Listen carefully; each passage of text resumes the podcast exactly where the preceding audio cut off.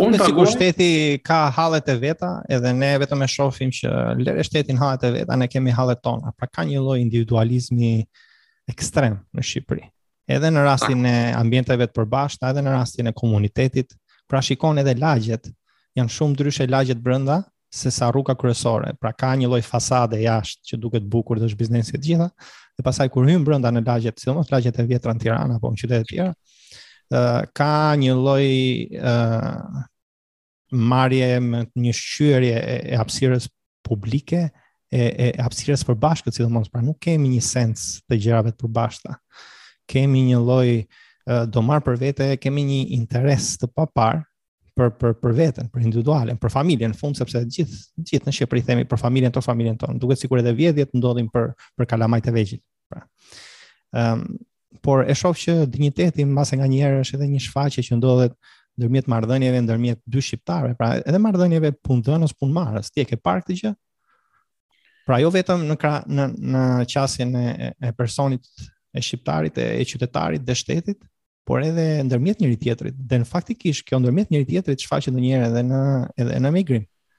Pra ka raste që shqiptarë shkojnë në emigrim dhe kanë këtë fatalizëm dhe thonë nuk dua të takoj shqiptar tjetër prandaj po iki. Dhe e dallon në shumë veta që thonë dua të shkoj sa më larg ose dua të shkoj në vende ku nuk ka shqiptarë të tjerë. Uh, mirë, kjo këtë e thonë shumica mendoj, unë nuk e kam këtë mendim, por gjithsesi nga ata që kam dëgjuar unë mendoj e thonë sepse mendojnë se e keqja u vjen nga shqiptarët. Por kjo është pak subjektive, mendoj, sepse çështja e dinjitetit për mua lidhet uh, me trajtimin. Për shembull, më pyete për punëdhënësin edhe punëmarrësin, për të dyja palët. Ë uh, në Shqipëri, për fat keq ekziston uh, parimi i shfrytëzimit. Do të thotë, uh, ai që është punëmarrës, më fal punëdhënës, e kundërta ashtu, ndjesë, ai që merr punën, domethënë punonjësi, uh, punëmarrësi realisht ë uh, shfrytëzohet në Shqipëri dhe nuk merr asnjëherë atë që i takon në Shqipëri për shkak se shumica e atyre që bëjnë biznes nuk është se kanë formimin që të punojnë dhe të funksionojnë një biznes, shumica mendojnë për veten e tyre. Kështu, kështu ndodh kudo. Nuk është se është e thënë që ai që është sipërmarrës do mendojë për punonjësit, se s'ka ç'i duhet. Atij i duhet punëmarrësi, i duhet punonjësi që vetë vetëm të bëjë detyrën, edhe mundësisht që të punojë sa më shumë, si ai rasti që kemi po, diskutuar bash, që ai të pasurohet dhe thotë ti puno fort dhe un pasurohem, kaq kollaj. Por këtu shteti edhe sindikatat që në Shqipëri mungojnë. Shteti thotë, "A ti atë e ke punësuar dhe ti deklaron pak 300.000 lekë?" Këtu humbet dinjiteti i atij personi. Sepse edhe kontrata nuk vlen, nuk vlen ligji. Patjetër, sepse ti e shfrytëzon sa të duash atë dhe në fund fare i paguan siguracione për vetëm 300.000 lek.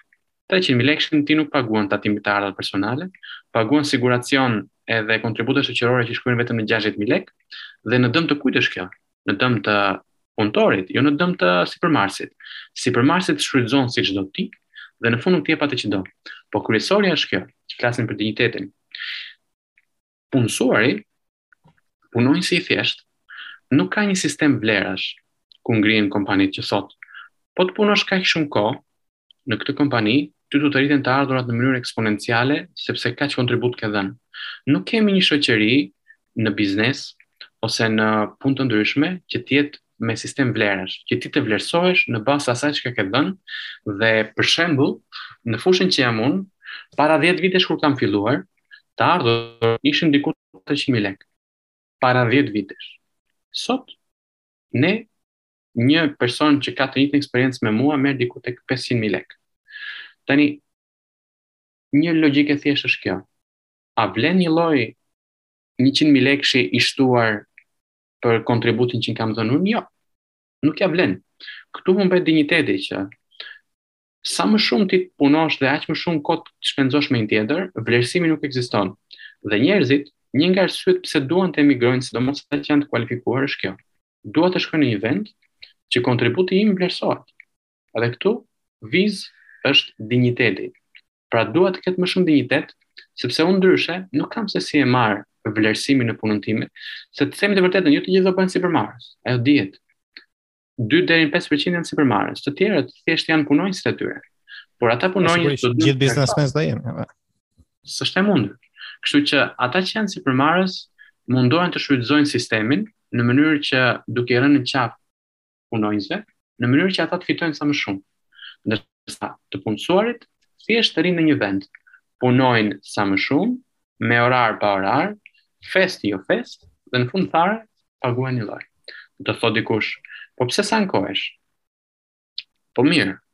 Problemi është që po ankove çfarë ndodh. Asgjë, thjesht do të heqin nga puna. Ai tjetri që do vesh ti, mos ai është do jetë më ndryshe. Jo. Atëherë, zgjidhin njerëzit e shikojnë kështu gjë, thonë, unë këtë punë kam bërë, këtë profesion kam bërë, këtë do bëj dhe dikur, deri sa të mos punoj më. Atëherë do shkoj në një vend që të paktën kjo gjë më vlerësohet. Dhe prandaj ikin. Këtu është ajo që fillove pak më parë me pyetjen, njerëzit kërkojnë dinjitet. Dinjitet do të thotë të paguhesh, po të paktën të deklarohet aq sa të takon dhe të marrësh aq kontribute sa të duhet. Tani ndoshta s'më duhet sepse jam i ri, por kur të kur të vijë momenti do pendohem do them 100 herë. Pse e lashë që ai mua të më shfrytëzonte? Por përpara se ta bëj atë pyetje pas 30 viteve do them, a mundesha do ta ndryshoja? Jo. S'e bëj dot. Sepse në qoftë se unë atë e denoncoj, ai do ta mësojë shumë mirë se kush e ka bërë dhe pastaj ai do hakrrehet ndaj meje. Kështu që më mirë shko largohu dhe puno me dinjitet, fito aq pak sa fitojnë dhe të tjerët, se sa të rrish dhe të shfrytëzohesh nga të tjerët.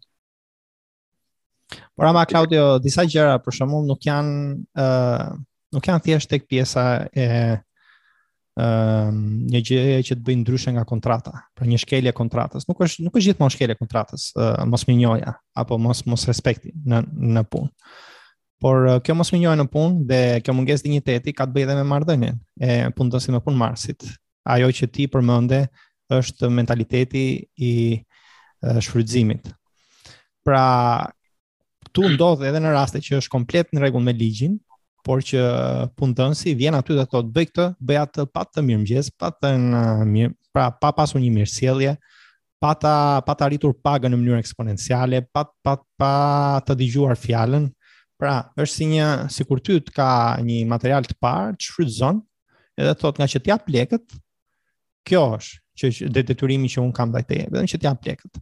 Dhe lekët i jep X shumë sepse X shumë është tregu shqiptar, sepse ky është tregu shqiptar, jemi të varfër, Uh, normalisht nuk nuk është se shteti po i detyron shumë që të ngrejnë rrogat sepse shteti me rrogë minimale e çon, por ka ka edhe ka, ka edhe një teori që është sado që ti ngre rrogën minimale, do ulësh punëtorët, do marrin më pak punëtorë, do i bëjnë më shumë produktivë, do bëjnë edhe punë të tjera, vetëm që të justifikojnë sepse në fund tregu nuk është nuk e nuk e justifikon dot, pra nuk nuk, nuk ka shumë të ardhura që t'i japë atë pagë nëse shteti nesër për shembull e bën pagën në Shqipëri 1 milion lekë.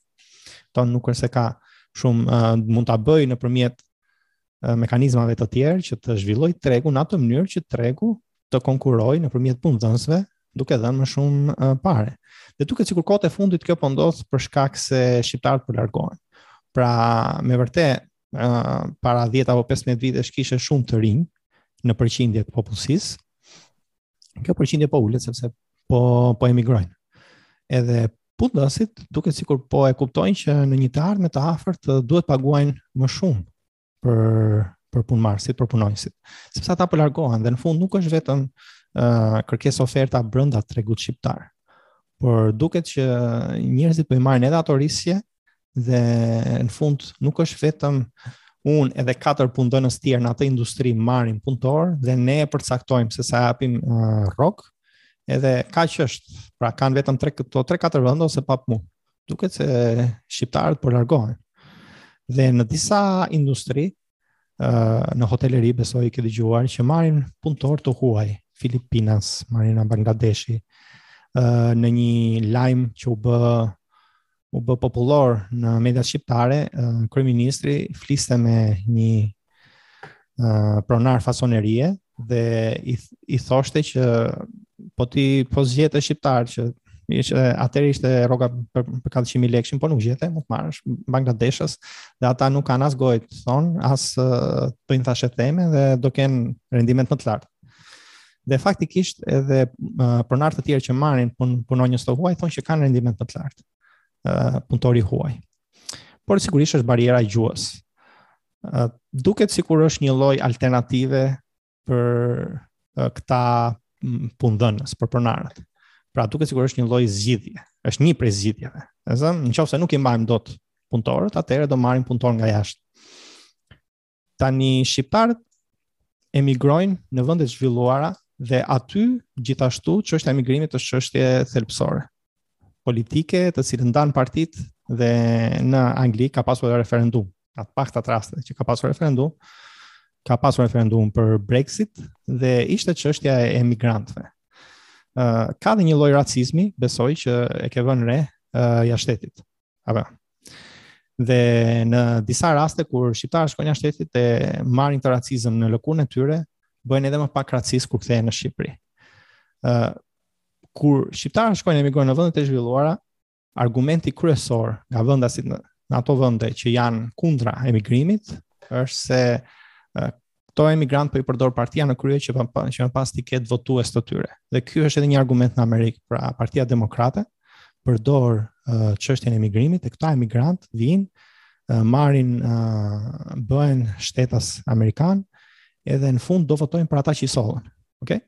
Edhe një argument tjetër është uh, elita po mundohet që të marrë punonjës me rendiment më të lartë nga vende më të varfra, t'i paguajë më pak në mënyrë që t'na bëjë edhe neve që jemi në këtë treg, t'punojmë më shumë, sepse ai është interesi i tyre, pra fundja kostoja e punëtorit është kosto dhe më pak kosto kemi më shumë fitim dhe fitimi është oksigjeni i këtyre korporatave, elitës.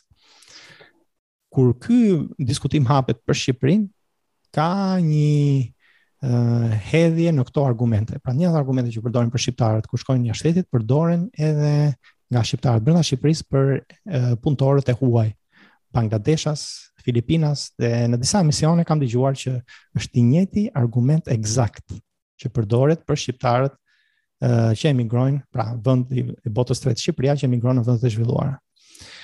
Tani si qëndron këtu çështja? A jemi ne pak hipokritë me këta punëtorë, a është kjo një zgjidhje për Shqipërinë dhe këta punëtorë që mund të vijnë në Shqipërinë e vitit 2050, le të themi. ë uh, do kenë aq shumë merak uh, uh, komunitetin, hapësirat e përbashkëta, gjendjen e Shqipërisë sesa shqiptarët, sepse këta punëtorë do vijnë, do marrin lekët e tyre dhe do ikin. Pra, është pak a shumë ajo që unë kam parë në Emirate, ku uh, ka një kontratë, nuk kanë nënshtetësi, dhe vetëm në atë kontratë, për sa kohë ajo kontratë është e qartë dhe e dinë që do bëjnë kaq lek dhe të kursejnë kaq në fund të ditës, është është mirë për ata edhe nëse është një monark i cili uh, nuk do t'ia dijë për për pluralizëm apo për për demokraci, është okay për ata për sa kohë ata marrin atë pare në fund të ditës. Është kjo një zgjidhje për Shqipërinë? Ëm, ehm, uh, unë shikoj që e para, emigrantët, largimi i tyre uh, nuk është se sjell rritje të ardhurash, sepse vërtet uh, një kërkesë e lartë dhe një ofertë e ulët pune, sigurisht do sjellë një rritje, por rritja do shkojë deri aty sa që mund të përballojë shpenzimet e një punonjësi. Kështu që nuk do sjellë rritje që të shkojnë pagat 1 milion lek, uh, sepse s'ka punonjës në Shqipëri. E kundërta, ato aq do qëndrojnë, aq sa mund të paguhen nga tregu ynë. Në qoftë se për një specialist s'po flasim për specialistët vetëm, por dhe për një punonjës të thjeshtë, një kamarier. Në Shqipëri e paguajnë 400.000 lekë, 500.000 lekë, nuk do ta paguajnë kamarierin 1 milion lekë, vetëm që të rrinë të rrinë këtu edhe të punojnë aty, sepse nuk ka logjikë ekonomike. Dhe këtë jemi koshient. Tani, uh, ikja dhe largimi i të rinjve nga Shqipëria, uh, patjetër që sjell mungesa në treg. Këtë vit është akoma më e qartë për ne që jetojmë në Shqipëri, që po përgatiten për sezon, turistik, ato që merren me turizëm, dhe të gjitha bizneset se jo vetëm të kesh të merresh me turizëm, s'do të thotë vetëm të punosh në hoteleri turizëm ose në agjencira, por po ashtu dhe të punosh dhe në kafe, dhe në restorante, që janë të lidhura në mënyrë direkt ose indirekt. Tani, nuk ka punonjës. Çfarë do ndodh? Do ndodh ajo që ndodh në vende që e kanë kaluar këtë fazë para nesh. Pra, do vinë të huajt. është normale. Pse kjo gjë do ndodh? Ky tranzicion që në letërsi quhet tranzicion emigrimi. Ku në një moment të caktuar, siç ka ndodhur me Italinë, me Greqinë, ti merr emigrant. Pra nuk je ti vend emigrator. Ti je ai që merr emigrant. Kam dy raste që i di mirë, që është E para Greqia, e cila pas luftës së dytë botërore, nga vitet 50 deri në vitin 70, Greqia filloi të largoheshin njerëzit për të shkuar drejt e para Gjermanisë, Amerikës Latine në Argjentinë, Shteteve të Bashkuara dhe në Australi. Zakonisht këto ishin vendet që shkonin. Njerëzit u larguan sepse kërkonin një të ardhme më të mirë. Domethënë Shqipëria është në këtë fazë. ose është në vitet 70 në thonjza me atë rastin e Greqisë. Por, pastaj erdhi momenti që njerëzit kishin ikur, por Greqia ishte duke zhvilluar. Siç ndodh më ngadalë dhe me Shqipërinë, atëherë kishte nevojë për të tjerë, kishte nevojë për punonjës. Dhe në momentin e duhur, rastësisht ose me qëllim, erdhën shqiptarët, polakët dhe gjithë tjerët nga Evropa kur u shpërbë ish Bashkimi Sovjetik dhe vendet lindore. Malta është e njëjta gjë, Mbaj mend kur kam qenë në Emiratet e Bashkuara, në Dubai, ë uh, dëgjoja recepcionistin tek hoteli që jetoja në atë periudhë, i cili ishte nga Nepali dhe thoshte: "Kam 2 vite që jetoj në Emiratet e Bashkuara, qëllim përfundimtar kam të shkoj në Europë, në një vend të Europës. Kam një vit që jam marrë me një agjenci këtu, e cila do më punësojë në, në Maltë." Dhe do të punoj recepcionist përsëri aty.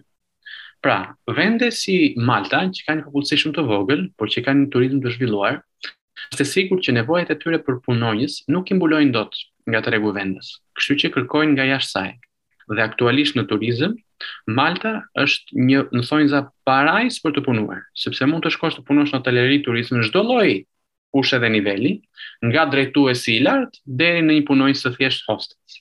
Po, Edhe në këtë mënyrë, ë uh, tregu vendas s'e mbulon dot dhe ata janë koshient që duhet të marrin nga jashtë. Edhe Shqipëria unë mendoj se është në fillimet e kësaj gjëje. Ka 3-4 vite do thon disa që u ka ecur shumë, po patjetër në peshkim kemi parë që vijnë nga Egjipti. Kemi parë që në fasoneri i marrin nga Bangladeshi, por nuk është aq masive. Do bëhet aq masive në një moment, siç na duken tani neve muxhahedinët që shohim nëpër Tiranë, që shikonin para disa vitesh, tani janë në Manëz, që do duken, do t'i shohin njerëzit midis tyre, do ta kuptojnë që në Shqipëri janë rritur të huajt. Tani, ne në Shqipëri ka një gjë, nuk kemi prirjen siç ndodh në Emiratet e Bashkuara që ne ata të huaj që do vinë se s'bën nuk diskutohet, kjo nuk ka çfarë diskuton, do vinë. Nuk kemi prirjen që t'i shohim që ne duam që t'u japim një kontratë pune të largohen. Ku ka kushtet si në Emirate këtu që ti ke kontratën, po të mbaroj kontrata, ata të dëbojnë dhe s'ke më të. Këtu njerëzit çfarë bëjnë? Vin këtu, do gjejnë dhe ata, do shfrytëzojnë sistemin, do marrin një pasaportë shqiptare do ikin në Europë. atë do bëjnë. Do vijnë të japin rendiment këtu, sepse normal, kur ikin nga një vend i Indokinës, ose nga këto vendet indiane, që janë Nepal, Bangladesh, e Indi dhe Pakistan, normal, ata e shikojnë Shqipërinë si një parajsë, se u duket është Europë, por do shikojnë si funksionon dhe thonë, ok, do rri të shfrytëzoj sistemin, do mundohen të gjejnë mënyra indirekte, do marrin pasaportën edhe do ikin drejt Europës. Ajo është një gjë që do ndodhi afatgjatë, por e sigurt është që Shqipëria për një periudhë shumë të shkurtër kohe, nuk po flasim në të ardhmen, po flasim nga tani, që nga ky sezon do ketë nevojë për punonjës, siç ndodh në të gjitha hotelet në rrugën ose në pjesën e Durrësit, në bregdetin e Durrësit deri në Vlorë dhe deri në Shëngjin, që marrin punonjëse për masazh nga Indonezia ose Filipinase, E njëjta gjë do të ndodhi dhe me punonjësit e tjerë të mirëmbajtjes, ata që do të merren me kopshtin, ata që do të merren me shërbimin, me gastronominë, thjesht në pamje të parë ai uh, kamarieri do të jetë shqiptar, do të jetë një fytyrë europiane e bardhë, siç jemi ne, por do vi dhe momenti që dhe ai do bëhet siç do bëhet në Emirate ndonjëherë, që dhe ai do të jetë indian. Si si i kemi ne marrëdhëniet me me racizmin? Si i kemi punët me racizmin? Se mua më duket që shumë shqiptarë masi shkojnë jashtë shtetit ndërgjegjësohen, edhe kur vinë në Shqipëri ë kanë një ndrim mendimi. Pra, edhe për mua në Tiranë për shembull gjithmonë Rreth e përqark kam dëgjuar të njëjtat llafe që erdhën këta jabanxhinj, të mbetën këtej. Ndërkohë, kur këta tiranas për shembull shkojnë jashtë shtetit, janë jabanxhinj ata kur shkojnë jashtë shtetit. Dhe ndodh një periudhë ndërgjegjësimi dhe pastaj kur kthehesh në Shqipëri, ë uh, ndron mendim. Ndërkohë, jo shumë kthehen në Shqipëri dhe ke shqiptar që janë akoma me ato mendime. në në Shqipëri dhe e shikon atë shumë thjesht sepse Shqipëria, një vend 28000 kilometra katrorë, 3 milionë banorë që jetojnë tani në Shqipëri, në territor të Shqipërisë, por edhe në shqiptari, kanë nga një përkufizim për këdo nga çdo vend i Shqipërisë. Gjirokastritët janë kurnacë, korçarët janë kurnacë, andiotët kështu, vlonjatët kështu. Si e shikon ti këtë fakt, pra nivelin e racizmit në Shqipëri, me atë që neve na pret në një të ardhme të afërt që do të do, do vijnë njerëz me ngjyrë nga Bangladeshi, do vijnë nga Filipina. E diçka interesante është se kur dëgjoj për um, punëtorë të huaj, zakonisht ata që janë në shërbime në hoteleri vijnë filipinas, sepse ata janë vërtet cuk, pra nuk janë tamam kaf. Mhm. si si e shikon këtë këtë këtë valë të emigrantëve që do vijnë në Shqipëri, edhe a jemi të përgatitur neve me këtë nivel racizmi që kemi? Uh, në Shqipëri e para nuk do vijnë njerëzit e kualifikuar, do të thotë nuk do vijnë ata njerëzit që kanë vlerat më të larta të shoqërive përkatëse, por do të vijnë besoj fundi i tyre. E njëjta gjë ka ndodhur e shqiptarëve që kanë emigruar jashtë. Për shembull, ë uh, në formë natyrore, ajo që njerëzit vënë re direkt është e keqja. Domethënë, vërtet në Shqipëri, në Greqi ka patur 800.000 deri në 1 milion emigrantë shqiptarë, por grekët nuk shikonin ata uh, 790.000 që punonin për hall të tyre dhe për thjesht me dinjitet, po merreshin me ato 10000 veta, të cilët bënin lloj lloj mujesh, edhe të gjithë pastaj neve 800 mijë të tjerët kur kemi qenë andej, ishim hajdutë, uh, vinim aty për të vjedh shtëpit greke, edhe shfrytëzonim sistemin dhe ishim të gjithë nëpër burgje, sipas tyre. Kështu që, edhe në Shqipëri do vijë kontingjenti i atyre, që ata që do të vijnë me kontratë do jenë në rregull, por në një moment, ata që kanë kontratë do tërheqin dhe ata të tjerë në mënyrë ilegale, që do të thonë që unë di punë, hajde dhe ti, po se jere dot me kontratë, hajde të tërheqim se kam shpi. Ata shumë si që kemi bërë neve. Do bëjmë të njëjtën Njëjtën po, gjë. Sigurisht, sigurisht do ndodhë e njëjta gjë. Edhe do vijnë ato që kanë pastaj efektet negative, edhe para disa kohësh, pa, nuk e di, ka një vit më duket, kam dëgjuar që aty ku është një tip kampi refugjatësh këtu në Tiranë në periferi, banorët rreth e qark atij kampi ankoheshin që po na vjedhin rrobat që i kemi të hapur në tel, po na vjedhin pulat, po po na vjedhin, po na bëjnë këto gjëra dhe po ankohesh pula sta. Patjetër, sepse ata njerëz që vinin këtu dhe që kërkonin azil në Shqipëri te kampi i azilantëve, ata janë njerëz në nevojë që nuk është se duan të jetojnë këtu, ama më beso që shteti shqiptar nuk i mban dot. Nuk i jep dot as ushqim dhe ata duhet të mbijetojnë. Dhe çfarë do bëjnë? Do dalin jashtë kampit, do mundohen të kapin ça të jetë në mënyrë që të shfrytëzojnë sistemin. Okay, këto, kjo është për ata uh, azilkërkues që janë në kampe në Shqipëri. Po ndërkohë ne themi që do vijnë kontingjenti vala e emigrantëve do vi me kontrata pune sepse do jenë në bazë të kërkesës. Por më pas do jetë uh, ajo valë e atyre personave që thjesht do vijnë në Shqipëri për të parë për punë. Pra thjesht do kalojnë siç kemi kaluar neve kufijtë dhe të shikojnë për punë. Dhe këtu shteti shqiptar nuk është se mund të bëjë shumë, kur nuk bëjnë dot shtete të mëdhaja si Anglia, Gjermania, imagjino çfarë do bëjmë neve. Qofse vjen kjo kërkesë. Ëm, um, por a jemi ne në fakt aq tolerantë sa të kup, që të mendojmë se si mund ta menaxhojmë këtë situatë? Do të përgjigjem dy gjërave. Para, a jemi neve racistë si popull? Uh, jemi. Se do të përgjigjem pyetjes së fundit. Jemi racistë si popull, uh, nuk e pranojmë diçka që është ndryshe. Uh, dhe këtë stigmatizojmë me epitete të ndryshme. Është kështu, është ashtu dhe pa e njohur. Domethënë ngelemi në nivel paragjykimesh, po ajo kalon në racizëm. Tani a jemi neve gati që të pranojmë këtë lloj gjëje? Nuk e di. Unë mendoj se jo. Nuk besoj se ka patur ndonjë popullsi që ka thënë neve jemi gati dhe po hapim dyert të vijë kushdo, asnjëri. Shoqëria është gati ndërkohë. Do shiko, është gati biznesi, po jo ne. Popullsia nuk është asnjëherë gati për të pranuar diçka që është ndryshe, sepse i huaj do vi do të jetë i paintegruar dhe më beso mua në Shqipëri Nuk do integrohet, nuk do integrohet fare. Shumë, shumë, shumë pak. Do mësojnë 3-4 fjalë sa për t'u marrë vesh, për të blerë një gjë dhe për të shërbyer në atë punë dhe post që kanë, dhe aq do rrinë. Ata do sjellin kulturën e tyre, duke e bërë paksa më ndërkombëtare Shqipërinë. Varet se nga do të vijnë, besoj do të jenë nga zona e Azisë juglindore që aty kanë arritur shifra që jeton një e dyta e popullsisë botërore, kështu që do vijnë andej. Dhe thjesht shqiptarët do bëhen më racistë. Tani, a i ka ndihmuar fakti që kanë jetuar jashtë? Një pjesë po, jo të gjithë.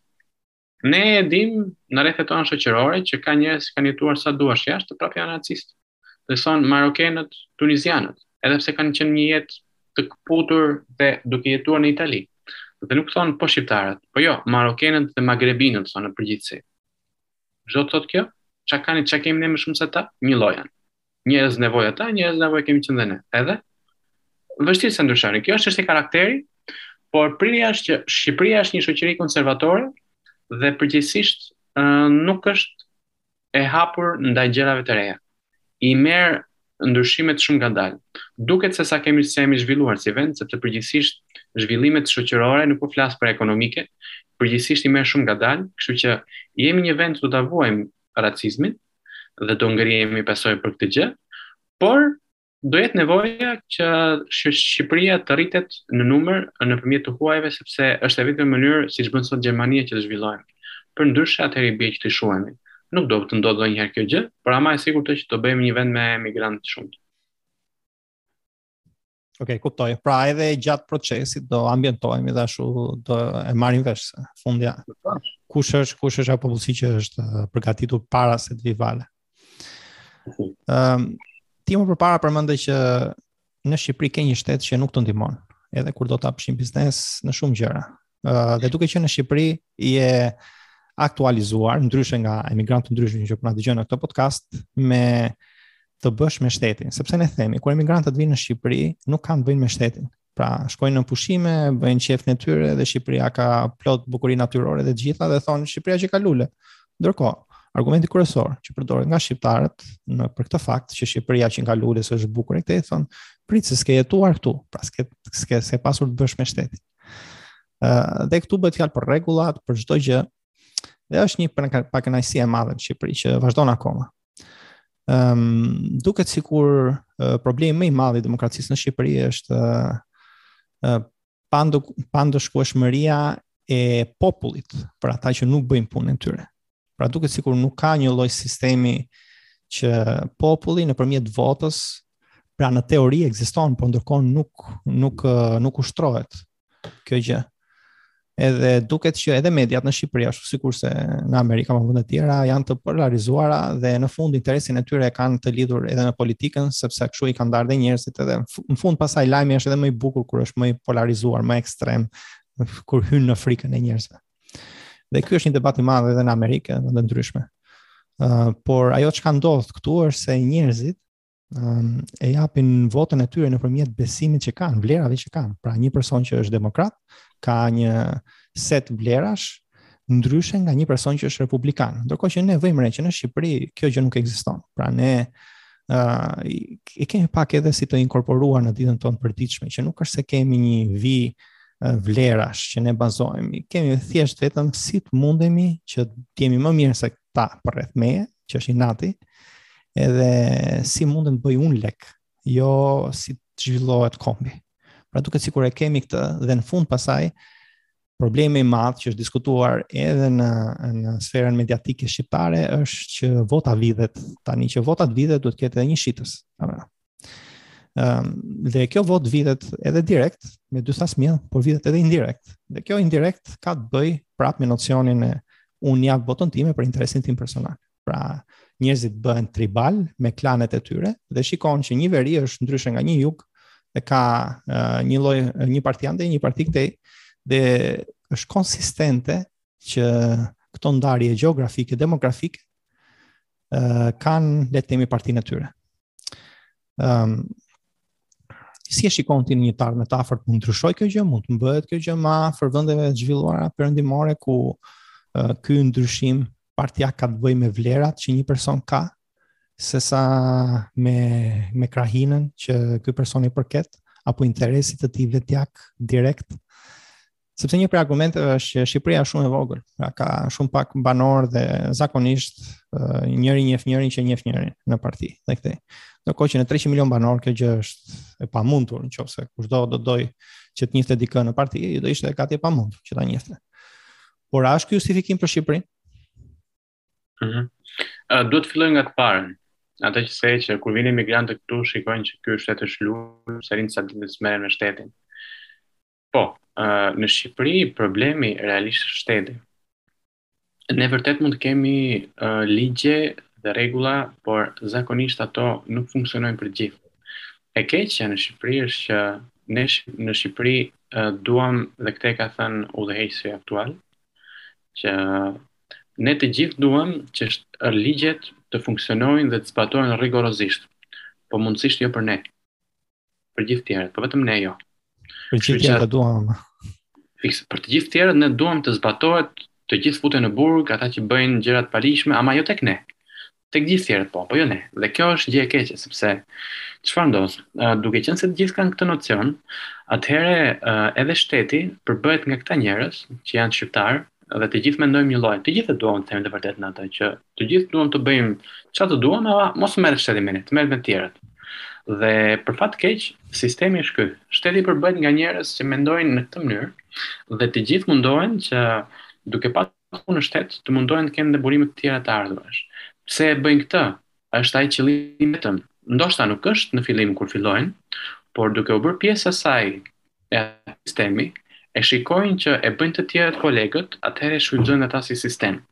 Dhe këtu është problemi, që kur jeton në Shqipëri, për të marrë shërbime shtetërore, nuk po them për legalizim pronash, e kështu me radhë, sepse aty dihet që do japësh se s'bën, se ndryshe s'ke ça bën, nuk ka zgjidhje tjetër.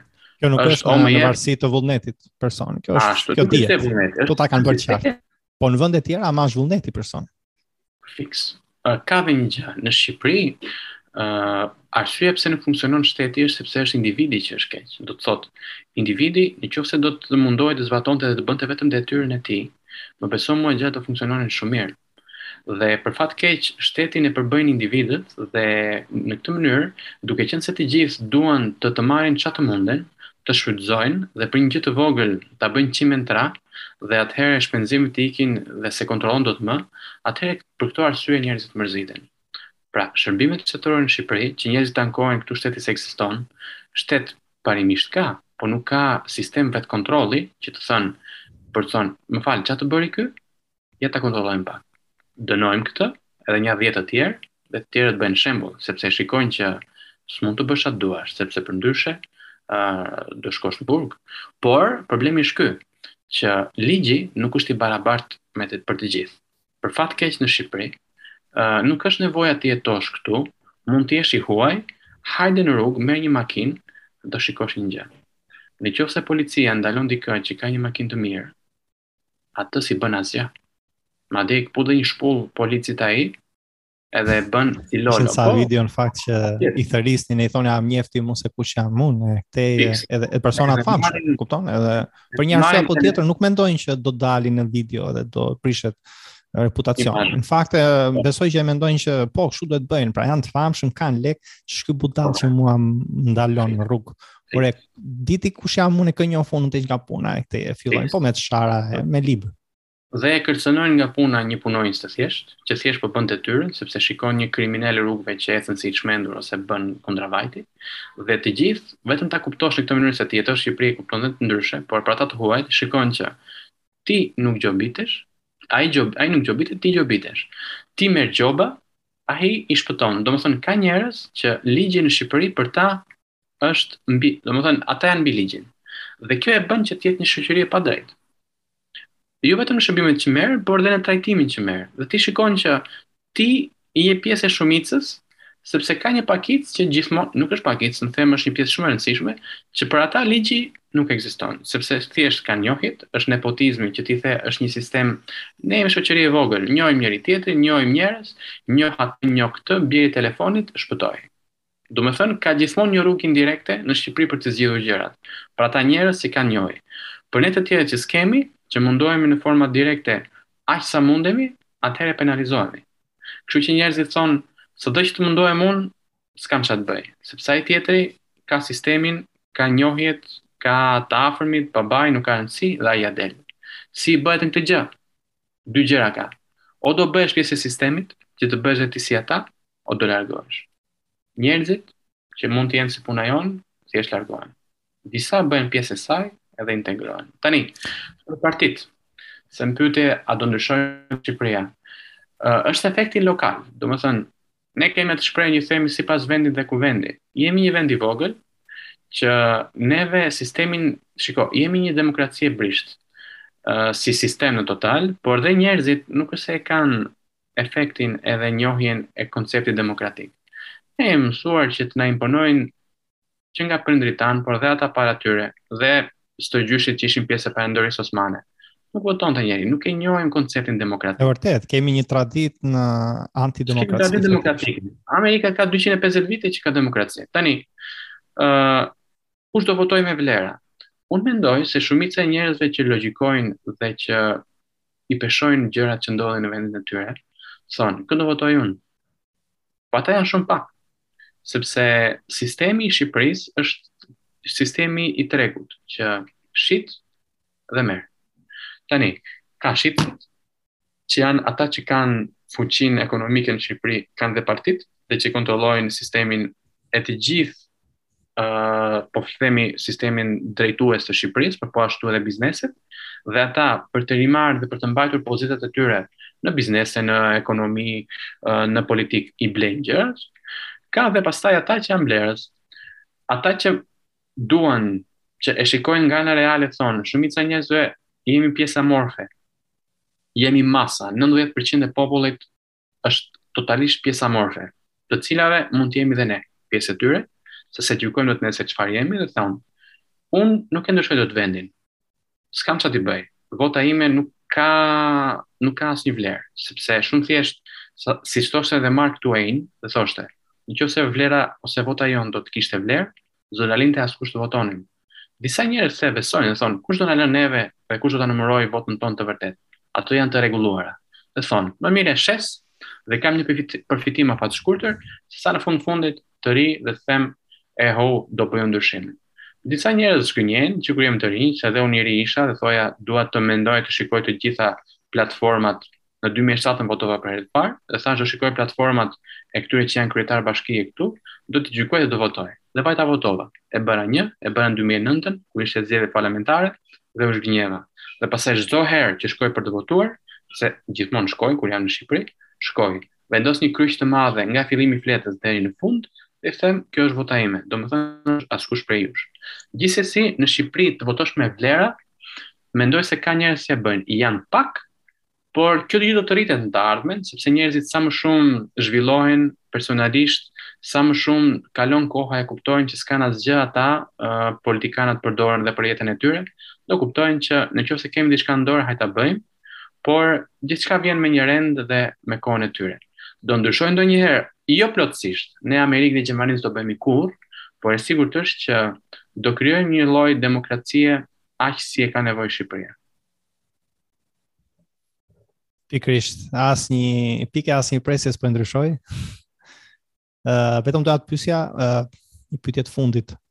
Çfarë do t'i thoje ti një të riu që po përgatitet dhe janë 38% e të rinjve, sipas një studimi që po përgatitet të lërë Shqipërinë, dhe çfarë do t'i thoje ti në aspektin e po prit, se po u largove ti kush, kush do merret me Shqipërinë, sepse e përmendëm që do vijnë dhe këtu kjo është që pritet, pra që të vijë një valë migratore nga vende edhe më të varfra se Shqipëria dhe në një farë mënyre të na zëvendësojnë, pra na zëvendësojnë ne në në atë që bënim, në punën.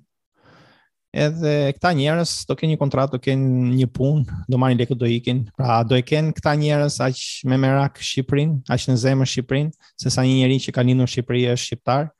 Edhe nëse ikin me kaq numra të mëdhenj dhe duket sikur projeksionet janë të frikshme, pra nëse mbajmë këtë ritëm, Shqipëria do ngelet një vend pensionistash, edhe uh, kalamajsh, bile as kalamajtë nuk po lindin sepse një pjesë e madhe atyre që do bënin fëmijë kanë kanë ikur jashtë shtetit.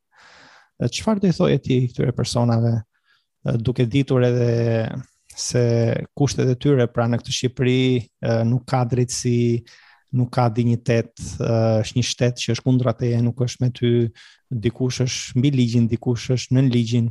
Pra, ke edhe atë që është mbi ligjin, ke edhe ligjin kundra. Fundja. Unë do thoja këtë gjë. E para, një pjesë pak sentimentale, domethënë, uh, po do të ikësh, të ikësh të shkosh ku e para është sakrifica shumë e madhe që ti do jesh vetëm, po s'ke njerëz andej nuk po flas për shoqëri. Un kam një parim. Një herë jetoj edhe në këtë jetë që kam të paktën ë uh, dua të kem afër njerëzit e mi, dhe them, vendi më i mirë për të jetuar në botë është ai vend ku ke njerëzit që ti do të kesh. Në qoftë se ata njerëz i ke me vete, më beso mua ai është vendi ku je. Është vendi më i mirë. Kështu që vendi njerëzit tanë i kemi këtu. Edhe një herë jetojmë. Tani, në qoftë se ka shkuar deri në atë pikë saqë thua që jam i gatshëm të të largohem dhe nga njerëzit që dua vetëm për një jetë më të mirë, shko provoje. Po e sigurt është që nuk është se do të jetë më kollaj andej dhe më beso mua që në qoftë se dikush është i gatshëm të bëj atë sakrificë që të uli kokën 5-6 vite në emigracion, të punoj vërtet me sa mundet dhe mos të bëj asgjë përveçse të punoj, po të mendonte, po ta bënte në Shqipëri atë. A do kishte rezultat? Unë mendoj se po, një lloj do jetë. Si në Shqipëri, si jashtë vendit, mendoj se një lloj do të ketë. Mund të ketë uh, pak shifra më të mëdha. Po, po, po, patjetër, sepse ti fiton më shumë, po. E sigurisht shpenzon dhe më shumë dhe andej. Por në fund fundit, pas një 5 vjeçari që ti ke ulur kokën, dhe që pastaj ke vendosur të pyet ty, a vërtet i ke ato gjëra që do? Domethënë, ata njerëz që do t'i kesh me vete, që e sigurt është që do prindrit uh, që t'i kesh ose familjarët e tu që do t'i takosh se për çfarë jeton në fund fundit. Jemi qenie sociale, nuk jemi qenie që punojnë për jetojnë për për para. A ia vlen të shkosh lart dhe të largohesh të shkosh në një vend që je 3000 kilometra ose 10000 kilometra në Shtetet e Bashkuara ose ku e di un se ku? Nuk e di. Ajo është një pyetje dhe një një përgjigje që gjithsecili duhet ta jap vetë. Unë mendoj se mënyra më e mirë është të ulësh kokën kudo që je, edhe të punosh në mënyrë që të arrish atë që do. Tani, nëse dikush do të provojë veten, le të shkojë ta provojë, ta provojë. Dhe nëse rastësisht ky podcast që i bie ti dhe kjo që them unë i vjen në vesh, le ta dëgjoj dhe ndoshta do të kujtohet në atë moment. A ia vlen të ikësh dhe të largohesh të lësh njerëzit e tu? Apo të punosh, të ulësh kokën kudo që të jesh dhe të mundohesh t'i përshtatesh sistemit, jo të bëhesh pjesë e keqe e tij, por ndoshta të bëhesh pjesë e mirë dhe një shembull i mirë për të, për ta ndryshuar. Ndryshimi vjen nga ne në radhë parë. Në qoftë se s'ndryshuam ne, s'ndryshon as vendi. Kjo është një përgjigje që secili jep si të dojë. Vetëm ti më un them. Aty ku janë njerëzit tanë, është vendi më i mirë ku mund të jetosh. Dhe ta dëgjojnë të gjithë dëgjuesit tanë që po dëgjojnë këtë podcast që me vërtet po ikim, por nga ana tjetër, pra në qoftë se do punonin kaq fort sa shqiptarët në emigrim, do bënin diçka në Shqipëri, sepse hapësirat aty janë. pavarësisht fatalizmit që kemi neve, Shqipëria të jep mundësi në treg, sepse nuk është treg i zhvilluar dhe për shkak se nuk është i zhvilluar, të jep mundësitë dhe ato 5 vjet që do i sakrifikoje vetëm punë dhe asnjë gjë tjetër, mund të sakrifikohen në Shqipëri dhe shumë mirë mund t'ia dilet dhe aty. Unë të falenderoj shumë Klaudia. ë uh, T'i falenderojmë shumë edhe ata që na kanë dëgjuar edhe bashkë do të takohemi në intervistën tjetër. Hajde, ciao.